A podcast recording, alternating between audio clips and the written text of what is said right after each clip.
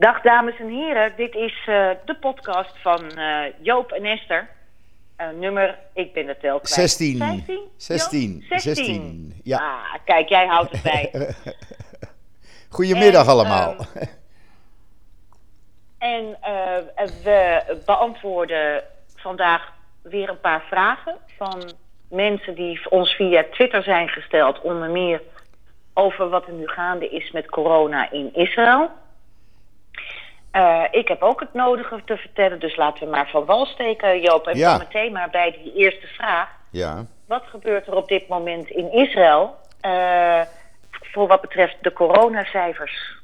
Nou, de meest actuele cijfers van vanmorgen: eh, 8800 nieuwe besmettingen op eh, woensdag. Maar het aantal eh, mensen in de ziekenhuizen dat blijft gelijk, dat neemt niet toe. Het nam gisteren zelfs af. Het aantal ernstige patiënten is ook iets afgenomen. En het aantal kritieke patiënten blijft gelijk. Dus het betekent dat door de vaccinaties uh, mensen wel corona krijgen, maar er niet voor naar het ziekenhuis hoeven.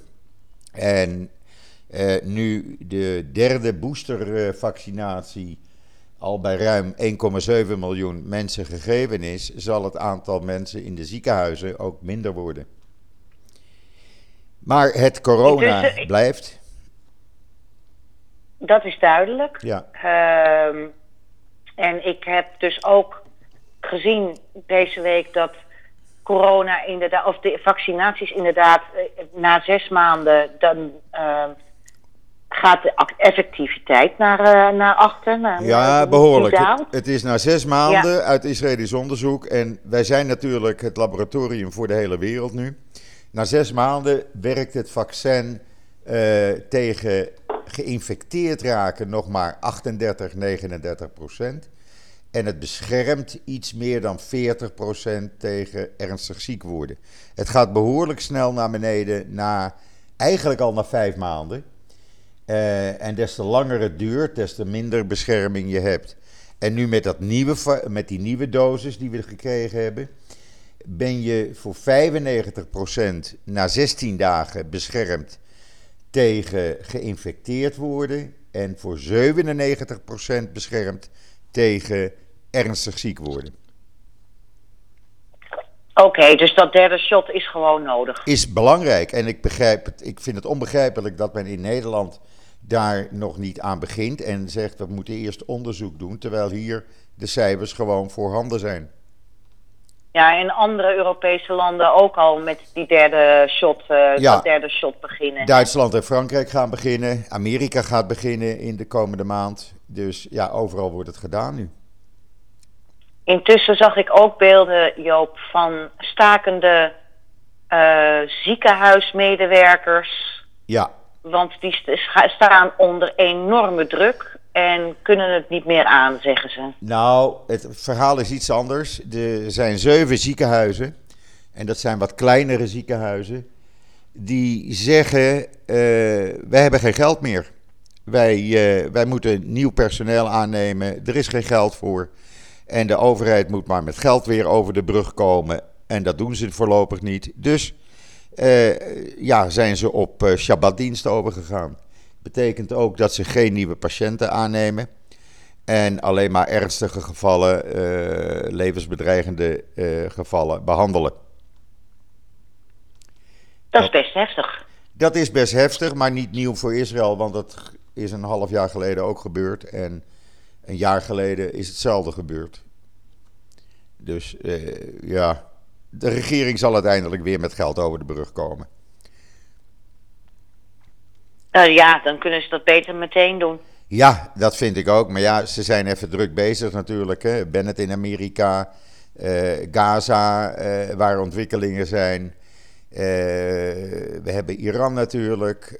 ja, er gebeurt van alles. Stel, Bennett, Bennett zit inderdaad in Amerika. Ja. We hebben natuurlijk de triomftocht van, van Yair Lapid gezien in Marokko. Ja. Uh, dat, dat was fantastisch. Bennett zit nu bij Biden. Nou, vanmiddag uh, onze tijd, even kijken, half zeven.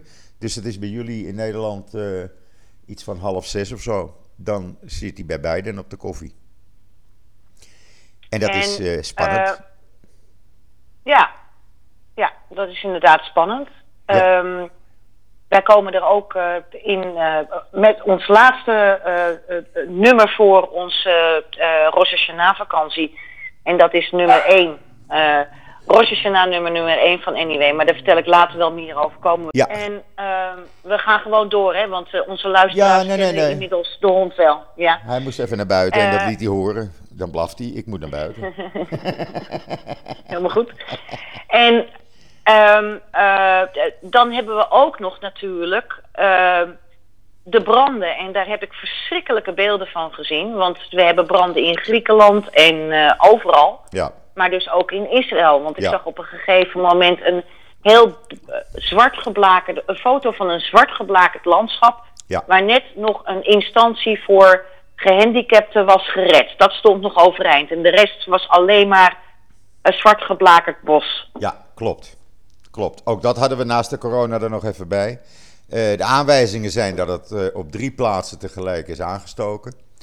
Uh, en de Shin Bet is daar nu onderzoek aan het doen, de Binnenlandse Veiligheidsdienst. Maar het heeft goed gebrand, ja, rond Jeruzalem. Het is een prachtig natuurgebied, jij kent het ook. Tussen Shores en ja. Mevaseret Sion. en daar ligt natuurlijk Kibbutz Suva in en het Sataf uh, natuurgebied richting Hadassah ziekenhuis, Einkerm. Uh, ja. Maar ja, dat gaat weer jaren duren voordat zich dat herstelt. Het is jammer, maar ze hebben het wel op tijd uitgekregen. En mede ook door de uh, uitvinding die de IDF even snel uh, voor elkaar bracht. Die hebben een Hercules transporttoestel weten om te bouwen in no time tot een brandblusvliegtuig. En die gooide gewoon 18.000 liter brandbestrijding in één keer over die uh, brandende bossen. Dus dat was geweldig. Dat is uh, fantastisch. En ja. ik zag ook dat Benny Gantz uh, de Palestijnse autoriteit bedankte. Ja. Omdat ook Palest Palestijnse brandweerlieden hebben geholpen bij de bestrijding. Ja, er kwamen vijf brandweerteams uit ja, zeg maar de Palestijnse gebieden. En die, uh, die zijn gaan helpen, inderdaad. Ja, niet Gaza, hè, dames Nee, nee, nee, nee, nee, nee. Niet, Gaza, want die steken alleen maar de boel in brand. Maar uit, uh, uit de Palestijnse gebieden, ja, die kwamen uit Ramallah. En die zijn uh, gaan helpen met vijf teams. En dat is fantastisch gegaan. Vol lof van iedereen. Nou, dat geeft de burger weer moed, zullen we maar zeggen. Jawel, er is altijd een verschil, zeg ik, tussen de politiek en uh, het intermenselijke uh, gedeelte. En het bewijst dat uh, de menselijke verhoudingen daar niet onder lijden, gelukkig onder die politiek. Nou, dit was in ieder geval goed nieuws. Ja. ja. Um, is er verder nog urgent nieuws vanuit Israël? Nou ja, urgent. alles wijst er nu op dat uh, het aantal besmettingen zal gaan dalen. Het aantal mensen in de ziekenhuizen zal gaan dalen. Het virus gaat nooit weg. Voorlopig zegt men uh, monddoekjes op in alle binnenruimte en beperkingen voor wat betreft groepen. en dat zal nog maanden gaan duren. Maar de cijfers zijn dalende. Alle experts zeggen de derde injectie doet zijn werk en zal alleen maar nog maar beter gaan doen. Mensen vanaf 30 jaar worden nu gevaccineerd. En we verwachten binnen twee weken ook vanaf 12 jaar dat iedereen dus een derde vaccinatie krijgt. En ja, daarna, uh, uh, komend weekend, als Bennett terugkomt, uh, morgen uit Amerika, dan staat Angela Merkel op hem te wachten, want die is het weekend in Israël. Om afscheid te nemen van al haar vrienden en bekenden. En mag als ja, toch wel iets unieks zondag de kabinetsvergadering bijwonen. En dat is toch ook wel apart? Dat is uniek, zeg. Ja, en wat, ja, het, wat het leuke is, ze doen het niet in de Knesset, want nee, dat, laten we dat maar niet doen. Ze doen het in het King David Hotel. Nou, dat, dat, ruil je, dat ruil je met liefde. maar het is wel apart. Het is wel apart. Ze wil afscheid nemen van iedereen voordat ze uit de politiek vertrekt. Uh, Reuven Rivlin, de voormalige president. Uh, de huidige regering. Of Netanyahu terug is uit Hawaii, is niet bekend. Maar uh, dan zal ze ook van hem afscheid willen nemen, waarschijnlijk. Maar het is wel apart dat ze dus hier twee, drie dagen blijft, ja. Want uh, Netanyahu viert op dit moment vakantie op Hawaii. Uh, Netanyahu zit op een eiland van de eigenaar van Oracle, dat uh, softwarebedrijf. En heeft daar een penthouse wat volgens de Israëlische media slechts 21.000 dollar per nacht kost. Waarbij, uh, nadat dat gepubliceerd werd, er meteen door zijn persvoorlichter werd meegedeeld: hij betaalt het uit eigen zak. En toen werd er op televisie heel hard gelachen. Oké, nou dat heeft toch, dat muisje zal ongetwijfeld nog een staartje hebben. Uh, ja, never, ik ben zelf op dit, never a dull moment. Ik ben zelf, ik ben zelf op dit moment bezig met het jaaroverzicht uh, van het NIW. Uh, eh, voor wat betreft zowel de gebeurtenissen in het binnenland als in het buitenland. En ik kwam daar ook weer even tegen dat, dat relletje rond alle boodschappen en weet ik veel wat niet allemaal van zijn privéwoning in Caesarea, Caesarea. statiegeld, de airconditioning, ja. ja, hele, het is, het is alle, als je zo een jaar terugleest, want wat is het een jaar geweest, ondanks corona. Ongelooflijk. Uh, het, is, het is een knettergek jaar geweest, inclusief natuurlijk uh, het, uh, de, de, het wapengekletter tussen Israël en Gaza. Maar ook natuurlijk wat er allemaal in Amerika gebeurde tussen Trump en Biden. En de QAnon-aanhangers die toch wel zich van de antisemitische kant hebben laten zien. Maar ook uh, de, de, hoe fantastisch de Abraham-akkoorden zijn ontvangen. En hoe dat echt een warme vrede is. Nou ja, het, het, worden, het worden tien pagina's plus een cover uh, van alles wat er gebeurd is. Over Nederland heb ik het dan nog niet. Maar het is, uh, het, is, het is bijzonder om ieder jaar weer zo'n zo'n samenvatting te maken.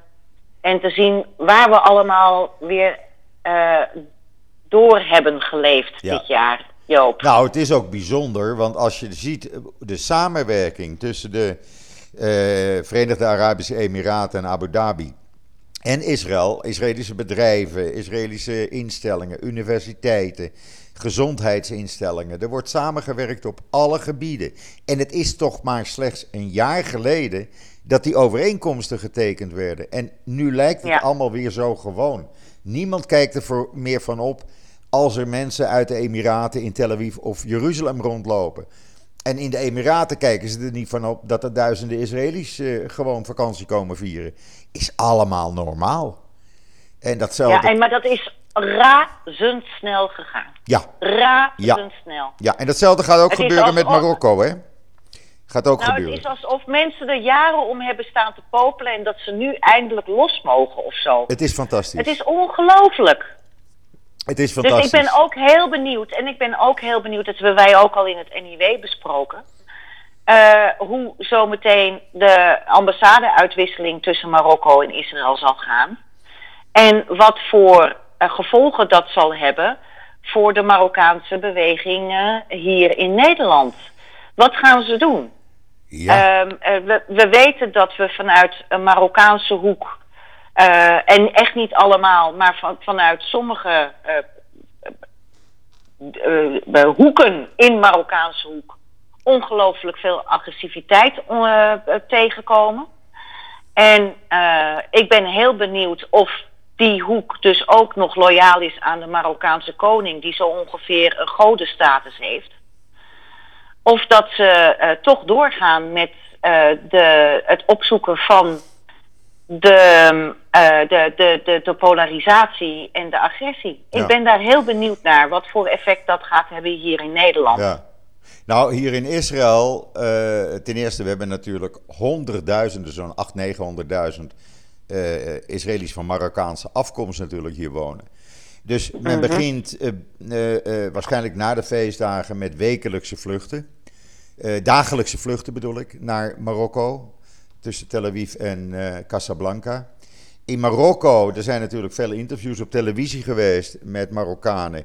Toen Lapita was. En iedereen was, ja, die zei als één man, één vrouw: eh, fantastisch, laat de Israëlische Joden maar komen, de Marokkaanse Joden. Ze zijn onze broeders, ze zijn onze zusters. En iedereen is er klaar voor eigenlijk. En dat wordt iets fantastisch. Ik bedoel, je krijgt één, twee dagelijkse vluchten tussen Tel Aviv en, uh, en Casablanca. Wie had dat kunnen bedenken? Nou ja, ik ben een paar keer in Marokko geweest en ik vind het een heerlijk land. Ja. Uh, alhoewel ik alleen maar, moet ik eerlijk zeggen, de omgeving van Marrakesh heb gezien. Ja, ja. Uh, Marrakesh zelf en de omgeving daar. En uh, ja, het, het, het zou heel fijn zijn als die betrekkingen volledig worden genormaliseerd. Gaat ook gebeuren. En gaat gebeuren. Ja, dat ben, ben ik van overtuigd. Maar dan duurt het nog even voordat ze hier in Nederland normaliseren. Ja, het is even een gewennings... Wennen maar aan, het is een gewenningsproces. Ik bedoel, eh, al die luchtballonnen, al die verhaaltjes die in Nederland de ronde deden over Joden en Marokko. Ja, het is toch anders. Het is in de praktijk altijd anders. Mm en uh, ja, hier in Israël is iedereen er blij mee. Iedereen vindt dat fantastisch. Nou, ik hoop nog steeds die special uh, van het NIW te publiceren over Marokko, Marokkanen en Joden, Marokko en Israël enzovoorts. Maar ja, dat, dat zijn enorme bedragen die daarmee ja. gemoeid zijn. Want dan moet je echt acht dagen rondtrekken in Marokko en zo. En we hebben daar op dit moment gewoon echt de, de, de, de financiën niet voor. We, we proberen het wel hier en daar aan te vragen maar krijgen steeds nul op request. En dat is dood en doodzonde. Want ja, als je nou ergens iets zou kunnen, kunnen doen om ook hier de verbinding weer te leggen, dan is het wel op zo'n manier. Maar goed. Misschien is er een sponsor. Is, uh, misschien, is er iemand die, misschien is er iemand die als sponsor wil optreden. Dat zou uh, fantastisch Dat zou toch mooi zijn. Maar goed, we, we, ga, we gaan dat zien. Ja. Um, verder. Um, ja, zijn wij natuurlijk allemaal in opmars, uh, dames en heren, naar Rosh Hashanah. Ik leg even uit wat dat is. Het Joods uh, jaar begint met Rosh Hashanah. Rosh betekent hoofd, Shana betekent jaar. En dat valt altijd uh, in het najaar, over het algemeen in de maand september. En dat verschuift ook ieder jaar. Uh, binnen de maand september, omdat de Joodse kalender werkt met een maankalender. Dus niet met dagen, maanden van 30, 31 dagen, maar met Rosh Chodesh, hoofd van de maan. Dat is nieuwe maan en dan gaat er iedere keer een nieuwe maand in een, in een Joodse kalender in. En die bestaat uit 29 dagen, omdat de maan in 29 dagen om de aarde uh, draait. En dan dus ook nieuw is, hè? Ja. Want dan ligt de schaduw van de aarde, die, die zie je op de maan, dus dan zie je geen maan. Goed, dit is even uitleg van de dochter van iemand die, die een sterrenwacht heeft. Maar in ieder geval, um, uh, uh, dus dat ver, verschuift steeds uh, in de maand september. En dit jaar valt het ongelooflijk vroeg. Wij gaan op, op 3 september liggen wij al bij de mensen in de bus met dat dubbel, dubbel, dubbel dikke nummer. Het is dan ook de usance dat je elkaar een goed en zoet nieuwjaar wenst. Yes. Uh, en de maand daarvoor um, keer je ook een beetje in jezelf. Doe je aan reflectie. Met wie heb ik oorlog gemaakt dit jaar? Wat kan ik goed maken? Uh, als, ik, uh, als ik ergens iets gedaan heb wat, wat achteraf, waarvan, je, waarvan je terugkijkt en denkt van nou, daar had ik wel anders kunnen reageren. En um, op Rosh Hashanah um, wordt, dan, wordt je eventueel, dat is dan de traditie, in het boek der levenden geschreven. En op Yom Kippur, dat is tien dagen na Rosh Hashanah, wordt dat oordeel, zeg maar, bekrachtigd. Klopt. Uh, en uh, dat is een heel speciale tijd bij ons. Dan eten we eten ook op Rosh Hashanah appeltjes met honing. Zoete uh, op een goed en zo, goed, Zoet, zoete ja. appeltjes, zoete honing. Ja. Ja, nou, moet je, nou moet je als ik niet van zoet houden, Joop. Ja, ja. En granaatappels, hè? Granaatappels. En gra Vanwege de 613 pitten. Precies, de 613 pitten op in een granaatappel die uh, refereren aan de 613 ge- en verboden in het Jodendom. Juist. De, overigens ook wordt gezegd dat de appel van Adam en Eva in het paradijs, dat dat ook oorspronkelijk een granaatappel zou zijn geweest. En niet onze Europese appel zoals wij die kennen. Aha. maar goed, dat, dat gebeurt dus nu allemaal. Dus iedereen is in totale stress. Want wij komen dus ook met dat dubbel dikke nummer uit met ons hele kleine redactietje. En wat mensen allemaal kunnen gaan verwachten volgende week is natuurlijk dat jaaroverzicht. Het binnen- en buitenland jaaroverzicht. Daarnaast hebben we een interview met de vertrekkend Israëlische ambassadeur Naor Gilon. Die gaat naar een heel belangrijke post, want die wordt ambassadeur in India. En India is geopolitiek gezien voor Israël van ongelooflijk groot belang. Ook omdat India een grote technologische ontwikkeling doormaakt. En er zijn al allerlei start-ups die met elkaar samenwerken. Dus hulde voor Gilon dat hij die post krijgt. Voor ons is het een aderlating, want de ambassadeur was bij Joods Nederland zeer geliefd. We hebben daarnaast ook een interview met Edo Verdoner, de, uh, de man die is aangesteld als nationaal coördinator antisemitismebestrijding. En uh, die willen we ook eventjes spreken over wat hij nou de afgelopen maanden gedaan heeft en uh, hoe hij zijn taak wil gaan invullen. Want dat wilde hij in het begin niet doen. Maar nu is hij een paar maanden bezig, dus hij kan daar nu meer over praten. We hebben een prachtig beeldartikel over alle grotten en gewelven en onderaardse gangen in Israël. Ben je er nog, Jan? Ja, ik luister, ik luister. Okay. Ik ben een en al hoor. Ja, het is zo stil aan de andere kant. Ja, maar ik, ik laat je even uitpraten. Jij vertelt het zo prachtig. Ik denk even... Nee, nee. Ik denk even, ik moet even, even Nee. En dan hebben we ook, uh, dan hebben we, we hebben ook nog een artikel over uh, de Joodse roots van de sprookjes uit Duizend en één Nacht. Nou, je begrijpt, dat is helemaal spekkie naar mijn bekkie, Joop. Ja, dat ja, vind ik helemaal ja, prachtig. Ja, dat is mooi. Daar, heb, daar, ben ik al weken onderzoek naar aan het doen. En oh, dat, wordt, dat wordt ook een heel leuk verhaal. En ook heel bijzonder de, geschied, de geschiedenis van Coco Chanel. Aha die uh, uh, ooit groot is geworden dankzij een Joodse familie, die nog steeds over het merk Chanel de scepter zwaait. Terwijl mevrouw Chanel tijdens de Tweede Wereldoorlog nou niet bepaald joodsvriendelijk was. Nee, ze was niet dus kosher. Dat is een heel, nee, ze was niet kosher. Het is een heel bijzonder verhaal. Maar ook uh, hebben we, as we speak, zit collega Mickey Cornelissen uh, bij het Joods bijzondere onderwijs. Want natuurlijk zijn de Joodse scholen hier weer in Nederland begonnen. Ja. En het maakt zij verslag van ja, hoe de kinderen daar weer naar school gaan. Um, en ik was natuurlijk voor dat interview samen met collega Bart Slut bij naar Gilon. Ja. En dan kom ik even terug op jouw mondkapjesverhaal. En wij waren dus op de ambassade. Ja.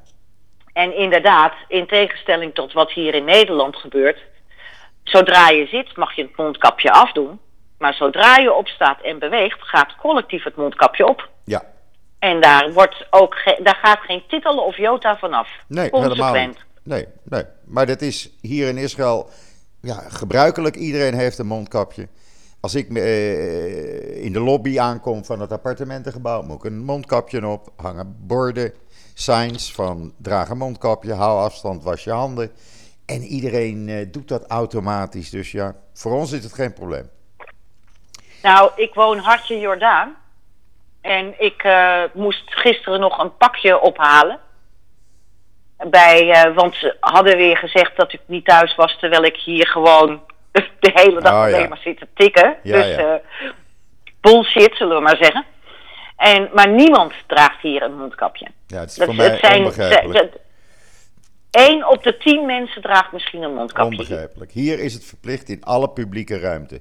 Winkelcentra, uh, supermarkten, kantoren, sporthallen, musea, theaters, bioscopen, noem maar op, alles. Gewoon mondkapje. Plus een negatieve test in, uh, bij heel veel instellingen en restaurants. Of een corona-app die je moet kunnen laten zien. Het groene paspoort. Vanaf, uh -huh. vanaf drie jaar.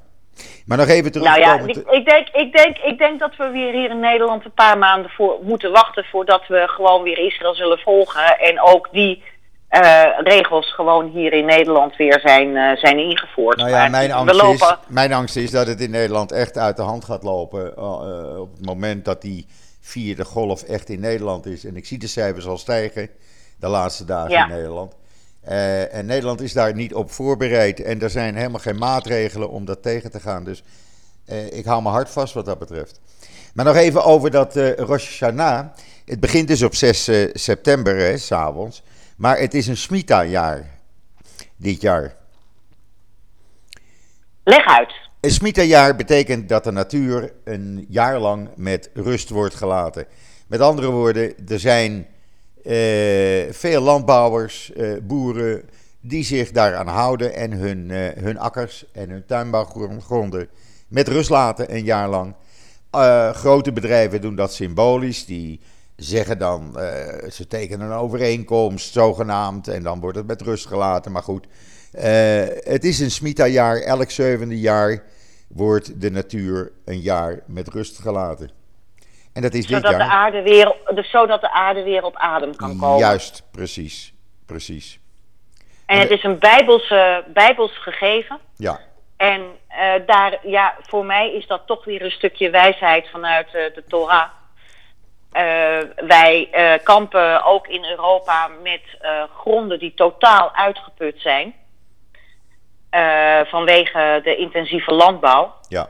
En zo, maar houdt iedereen zich daar in Israël aan? Nou, dat lijkt me toch niet. Uh, niet iedereen, maar er zijn wel dingen die dan niet worden gedaan. Zoals het aanplanten van uh, nieuwe bossen bijvoorbeeld.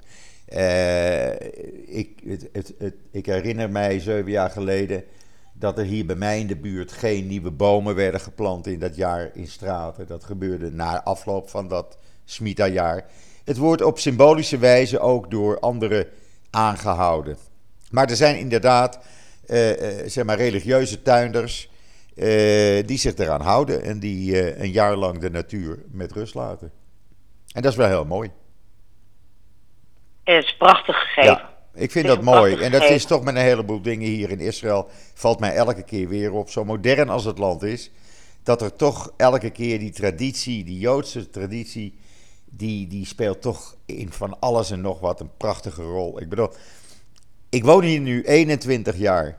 En ik vind het nog steeds iets fantastisch als op vrijdagmiddag langzamerhand de stilte over het land valt. Ik hoef je niet uit te leggen, je hebt het vaak genoeg meegemaakt. Maar hoe mooi dat is dat langzaam de stilte weerkeert en dat het land tot rust komt. En dan op Shabbat dat er ja, eh, mensen, natuurlijk gaan mensen op pad, maar dat het overgrote deel van de bevolking gewoon ja, eh, de auto niet gebruikt of thuis blijft zitten, eh, weet ik veel wat doet. Maar de rust die er dan is over het land en dan na afloop van de Shabbat, meteen minuten daarna is de drukte weer terug alsof het nooit weg geweest was. En ik, verba ik verbaas me daar elke weekend weer op. Ik vind dat iets fantastisch. Echt waar.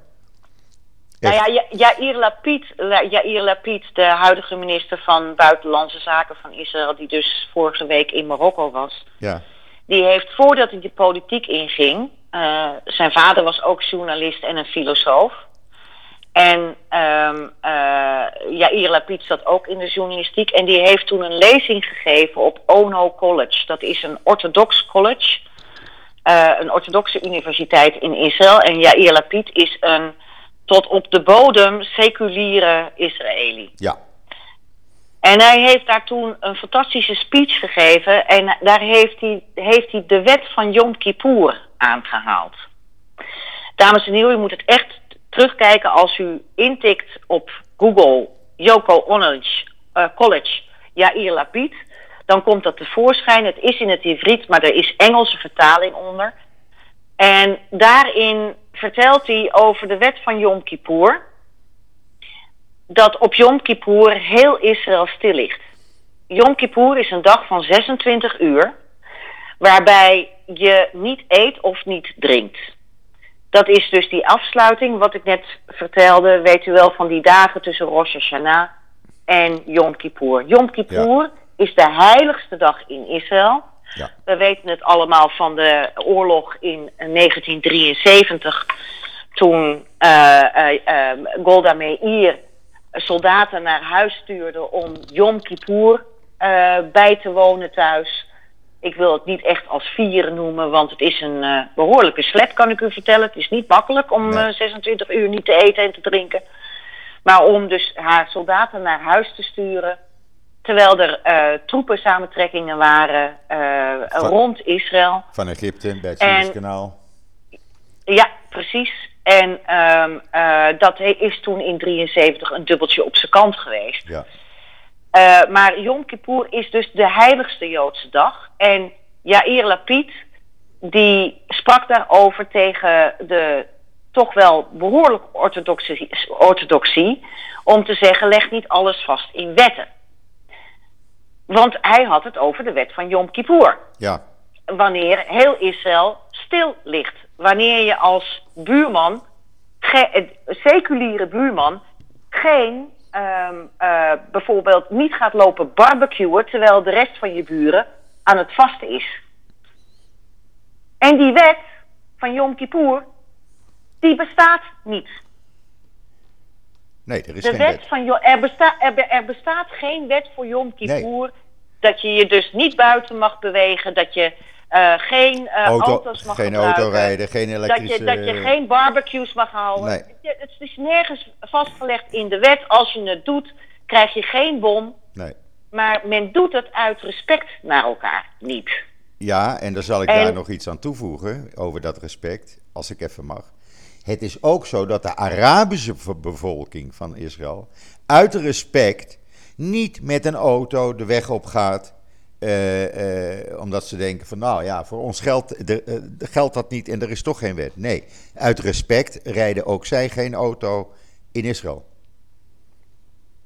Kijk, en dat zijn van die kleine dingen die, nooit, die je hier in het Westen niet weet, niet kent. Het wordt niet verteld, het wordt niet beschreven. Nee. En daaruit blijkt dus dat, dat er in het dagelijks leven heel andere zaken gaande zijn Ja. Dan, dan wat wij hier in Nederland denken. Ik zal het je nog sterker vertellen. Het eerste hulppersoneel op de ambulances en eh, bij de politie bijvoorbeeld, waar ook veel Arabieren werken, Israëlische Arabieren. eh, eh, op Yom Kippur is het overwegend de Israëlische Arabieren die, die eerste hulpdiensten draaien, die ambulances rijden, et cetera. Die in Die draaien de shifts, die draaien de Ja. zodat hun Joodse collega's Juist. gewoon de dag kunnen doorbrengen in school of thuis of whatever. Juist, Ja. juist, juist. En het is, eh, kijk, ik woon in een buurt, jij kent mijn buurt, en eh, daar wonen veel orthodoxe mensen en er wonen minder orthodoxe mensen en er wonen seculiere Joden en er wonen ook Russen die helemaal niet Jood zijn.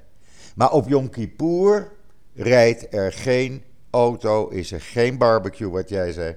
Eh, er wordt geen muziek gemaakt, je hoort geen geluid.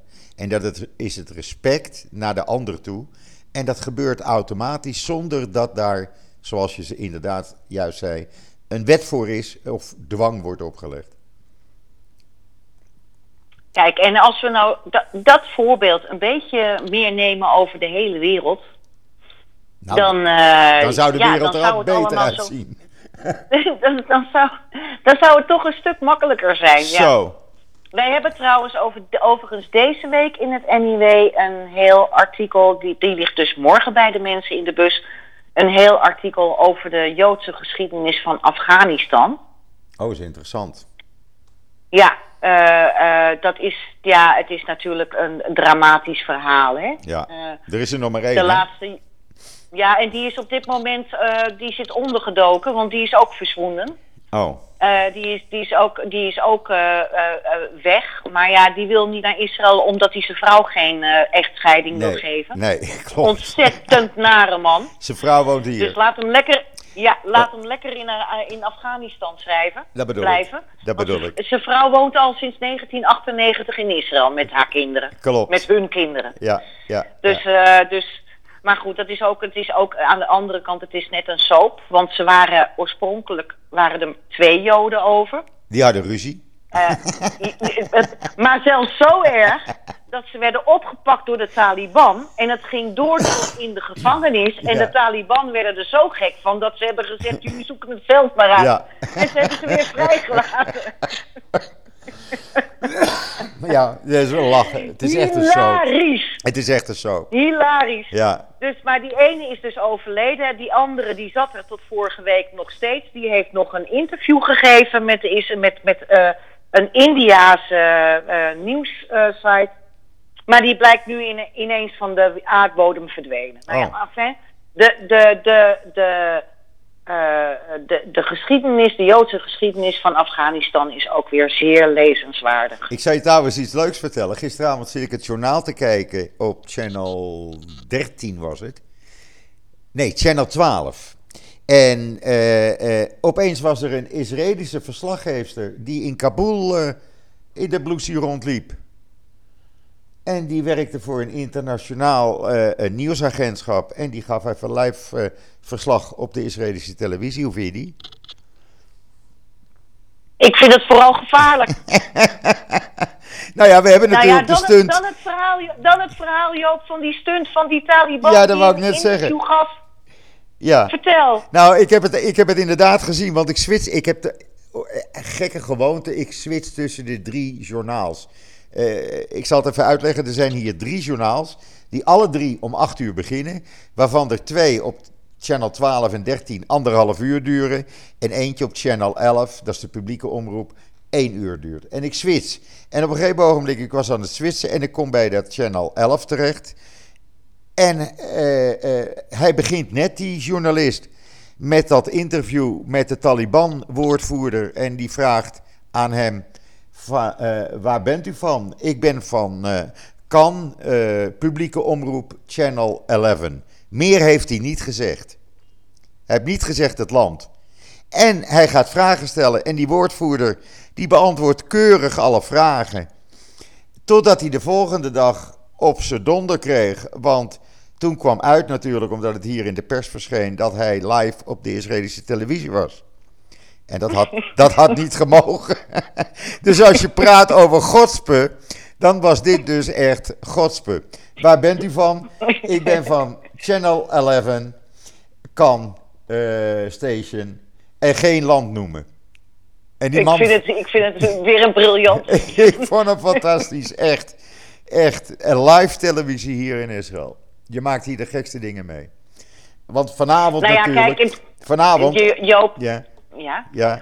Nee, nou ja, ik wou alleen even zeggen. Zo dadelijk als, als Biden en, en Bennett elkaar ontmoeten. hebben alle drie netten op hetzelfde moment, alle drie, mind you. dezelfde uitzending. Alleen met ieder hun eigen reporter daar. Dat kan niet op één net. Goed, Nee. Maar dat gebeurt in Nederland ook, hè? Op drie netten, hetzelfde uitzending. Nou, niet tegelijk. want wij hebben natuurlijk RTL, die zendt om half acht uit. Ah. En het NOS-journaal om acht uur. Ja, en dan hebben we ook nog eh, SBS.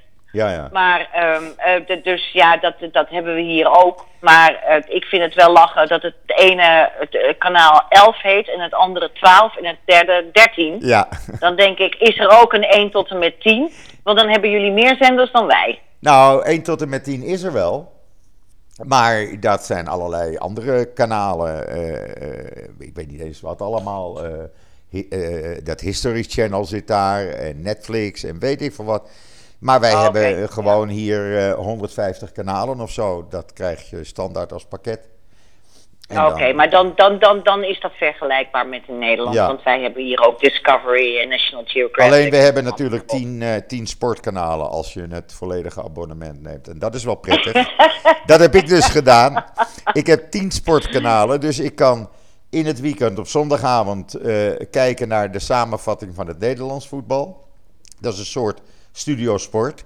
Dat nemen ze over van eh, eh, Fox, geloof ik.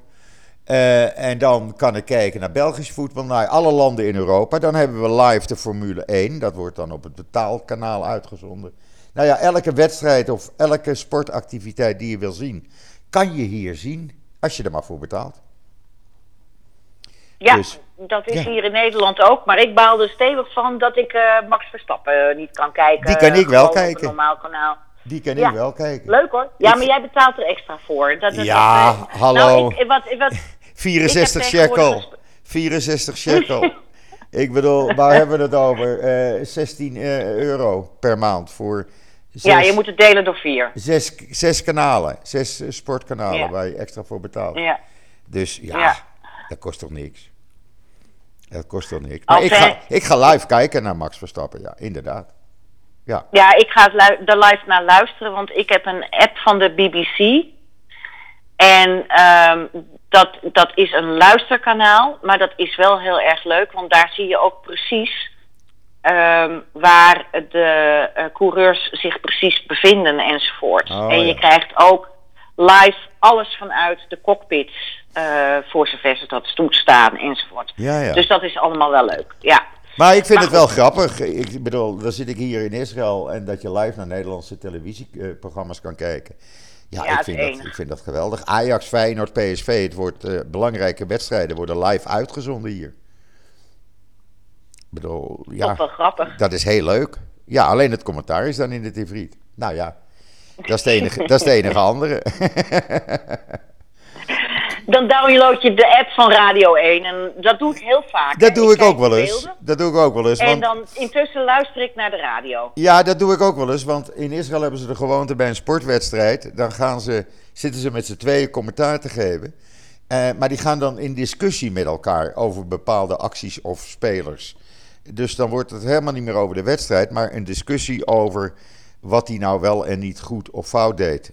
En dat kan minutenlang duren. Nou ja, dan heb ik er alweer genoeg van natuurlijk. En dan zet ik inderdaad Radio 1 even op en dan hoor ik het verslag.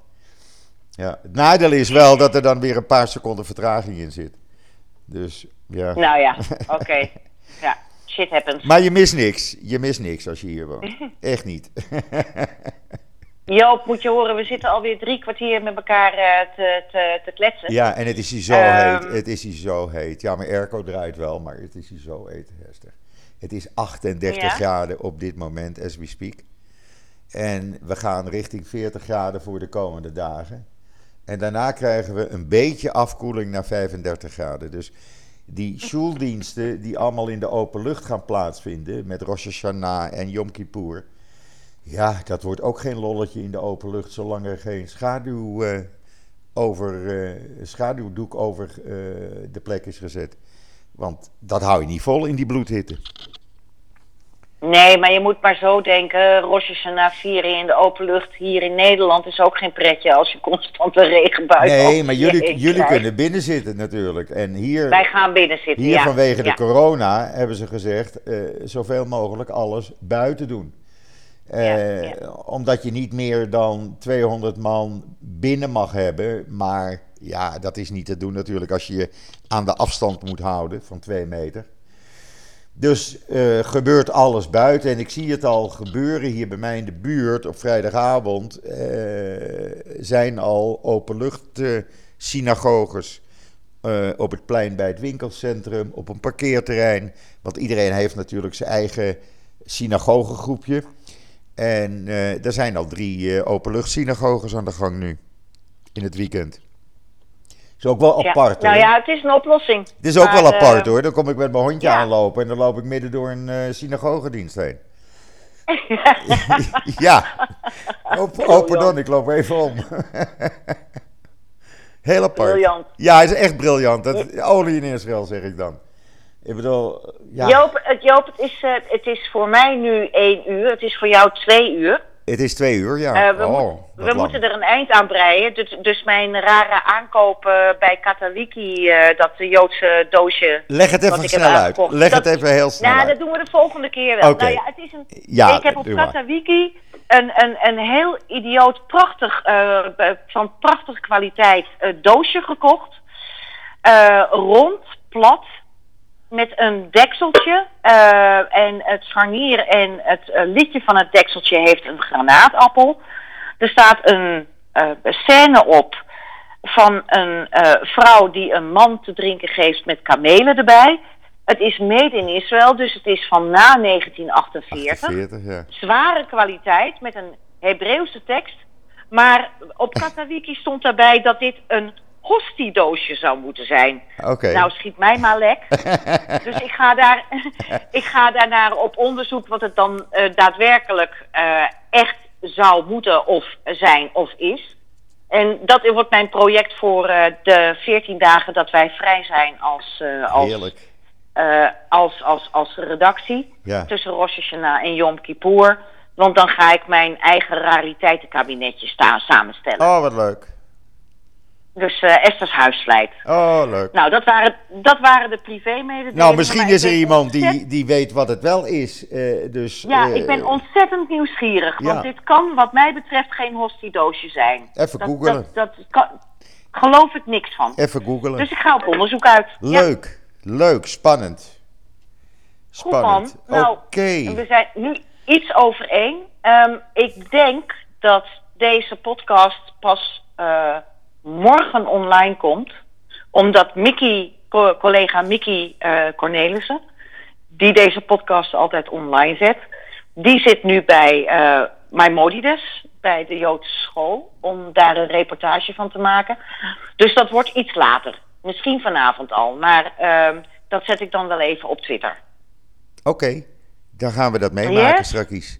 Oké, Esther, dan wens ik je nog een heel eh, ja, eh, fijn weekend toe. Shabbat shalom alvast. Ja, en Shana En, Tova. eh, eh, nou, wij spreken elkaar nog voor die tijd. Wij spreken elkaar nog Ja, maar goed, in ieder geval, Ja, dit is de de, laatste uitzending voor, Voor- Rosh Hashanah. Ja, we gaan de volgende uitzending in het nieuwe en- jaar maken. Ja, de, de volgende uitzending zit tussen Rosh Hashanah en Yom Kippur. Ja, ja, precies. Ja. Dus Ja? alvast voor iedereen, Shana Tova, een heel goed, zoet en gezond jaar alvast gewenst. Idem. Tot snel, Joop. Tot snel. Bye. Hi, hi. Bye.